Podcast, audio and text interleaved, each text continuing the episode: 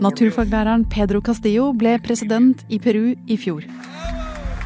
Han pleier å gå rundt i en stor, hvit cowboyhatt, og under valgkampen smilte han stort og vinket til publikum.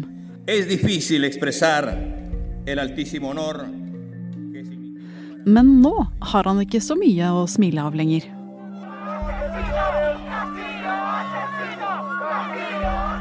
Castillo er en av mange statsledere som vaklet allerede før krigen i Ukraina, men som nå kan falle. I dag er det onsdag 20. april. Jeg heter Marte Spurkland, og du hører på Forklart. Marcelo Gonzales han bor i en landsby eh, et godt stykke sør for Lima, hovedstaden i Peru. Og han er en av veldig mange i Peru som har fått nok av de høye bensinprisene. Så nå før påske så samlet han landsbyen og stilte seg opp midt i motorveien og sperret rett og slett eh, en av de viktigste handelsårene i Peru. Kristoffer Rønneberg er utenriksjournalist her i Aftenposten og har sett på hvordan krigen i Ukraina påvirker livene til folk helt andre steder i verden som i Peru. Jo, Da Marcello og resten av landsbyen hadde bygget denne eh, skal vi si, kroppslige veisperringen, så, så stoppet jo all trafikken. Og, og, dermed så ble det umulig å sende varer eh, rundt i landet. Det, det, gjorde nok ikke situasjonen noe bedre for den vanlige peruvianer, og det gjorde heller ikke noe for å, for å senke bensinprisene, men de fikk nå i hvert fall sagt fra veldig tydelig at de var misfornøyde, og de er langt fra de eneste som er misfornøyde. Altså, Marcello selv sier at dette handler ikke om presidenten, det handler om myndighetene generelt, og at de vil at myndighetene skal gripe inn for å sette ned prisene. Men det er presidenten som virkelig får merke dette her. Og nye meningsmålinger i, i Peru viser at tre av fire peruvianere er misfornøyd med, med, jobben han gjør, så nå sitter han eh, rett og slett ganske utrygt. Du sa jo at ting er blitt mye dyrere. Hva er det som nå koster mer? Det er ikke bare bensinen, det er uh, varer uh, generelt, og spesielt uh, ting som man trenger i, i, hverdagen. Sånn som matolje koster nå 50% mer enn hva det gjorde før. Så hvis en liter olje før kostet 10 kroner, så koster den nå 15 kroner. Og det merker man jo i et hverdagsbudsjett. Og så er det ting som sukker, f.eks., som også har blitt veldig dyrt på, på kort tid.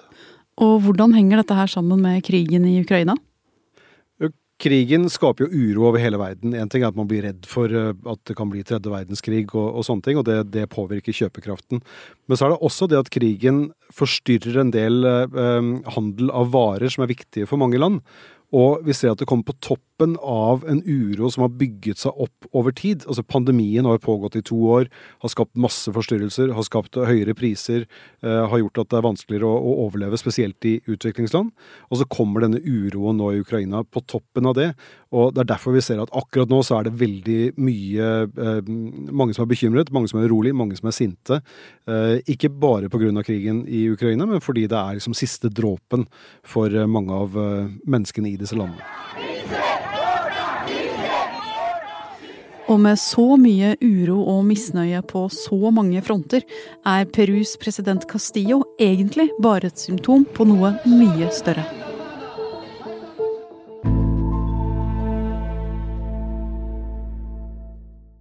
Kristoffer, hvilke andre land enn Peru er det som kjenner uroen boble under overflaten nå?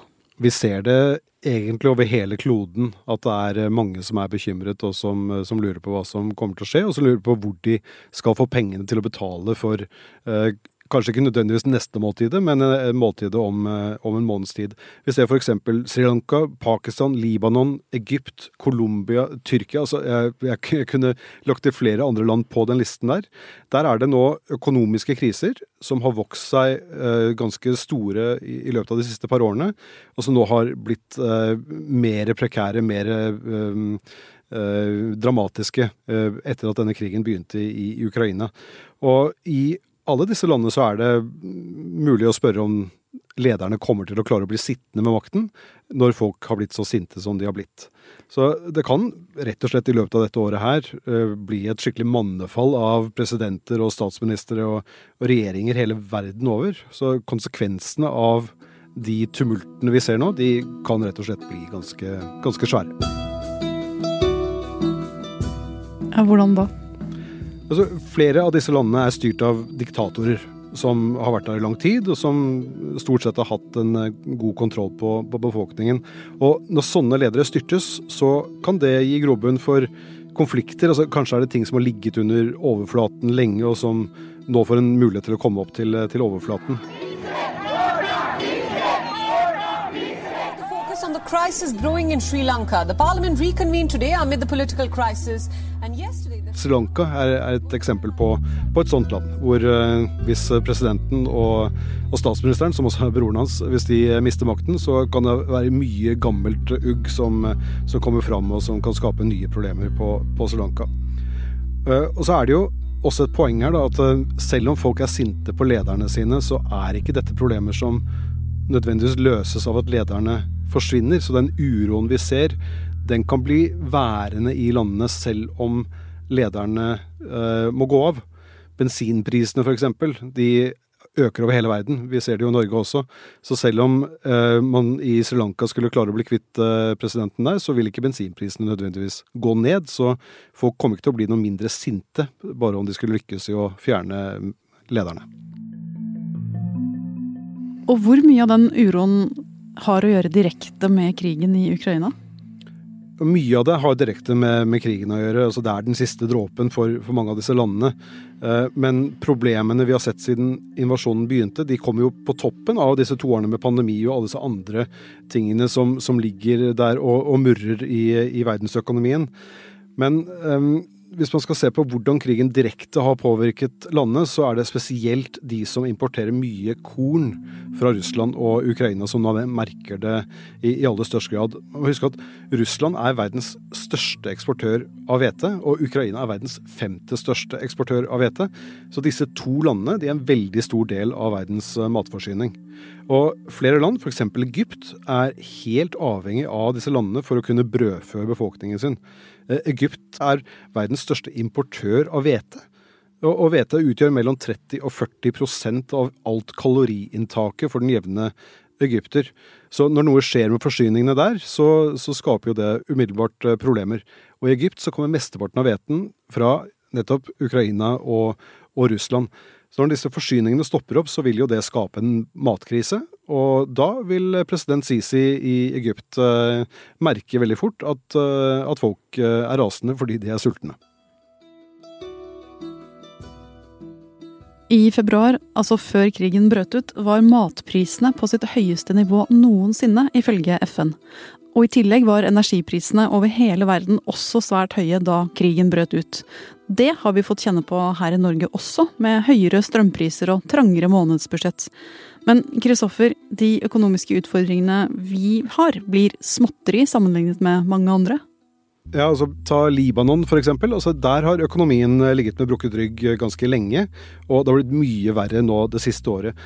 Inflasjonen har steget til over 214 ifølge Financial Times. Og for å forklare hva inflasjon på 214% er, så vil jeg si at uh, noe som kostet 100 kroner for et år siden, nå koster mer enn tre ganger så mye som det. Altså 314 kroner. Og hvis ikke lønnen stiger i samme takt som det, så blir det jo dyrere og vanskeligere å få tak i det man trenger for å, for å leve. Og så har myndighetene mindre å rutte med enn før, for de har pengene i lokal valuta, og da blir det vanskeligere å kjøpe ting i, i utlandet, og da blir det færre ting i butikkene i Libanon. Og på den måten så oppstår da f.eks. brødkøer, som vi har sett ganske mye av i Libanon nå i det siste. They are trying to steal the money and the income of all the Lebanese for the 3 or 2 percent of those who are owning the banks.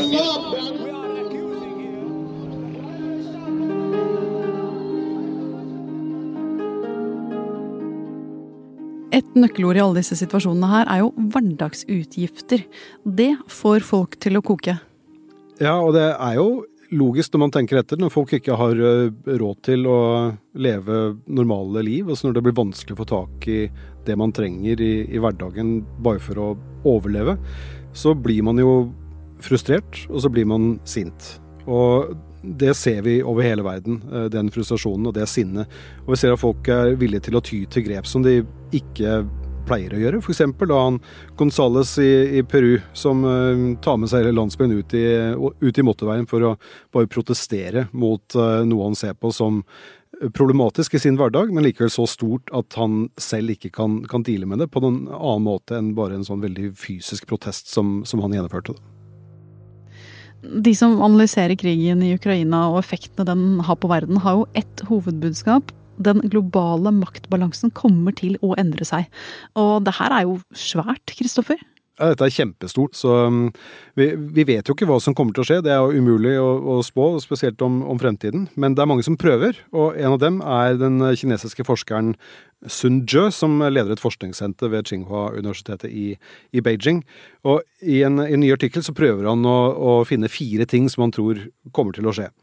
Og Det første det er at eh, store utviklingsland som Brasil, Russland, Sør-Afrika, som man trodde ville vokse raskt og bli viktige aktører i, i, verdenspolitikken, de er ikke blitt så store så raskt som man trodde, og de kommer heller ikke til å bli det fremover.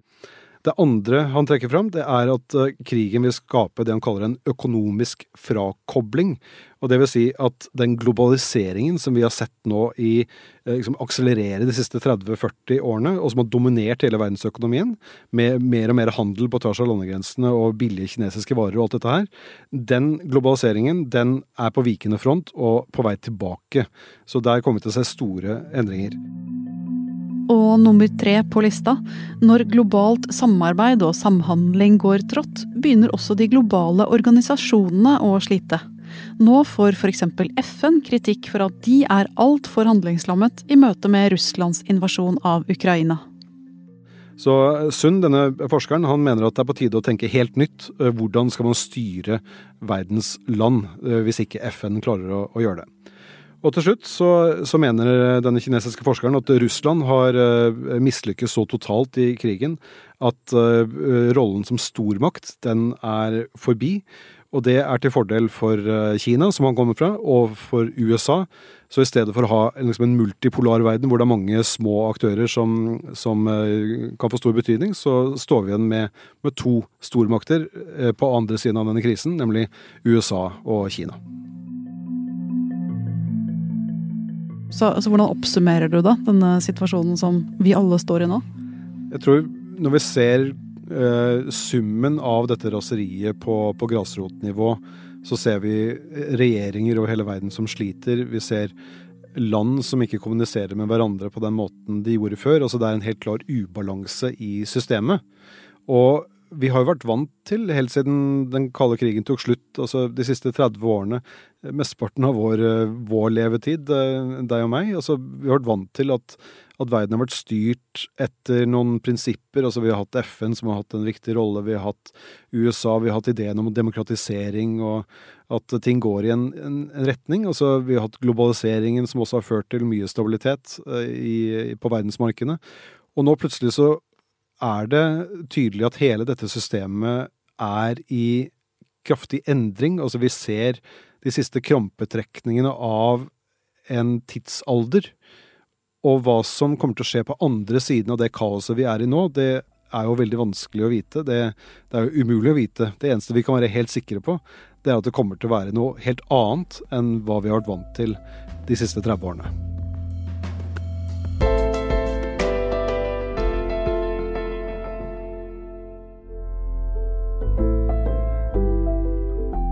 Det var utenriksjournalist Kristoffer Rønneberg som fortalte hvordan statsledere verden over også kan bli ofre for krigen i Ukraina. Du har hørt lyd fra Vion og AP. Produsent Anne Lindholm og jeg, Marte Spurkland, har laget denne episoden. Resten av Forklart er Synne Søhol, David Vekoni, Fride Næss Nonstad og Anders Weberg.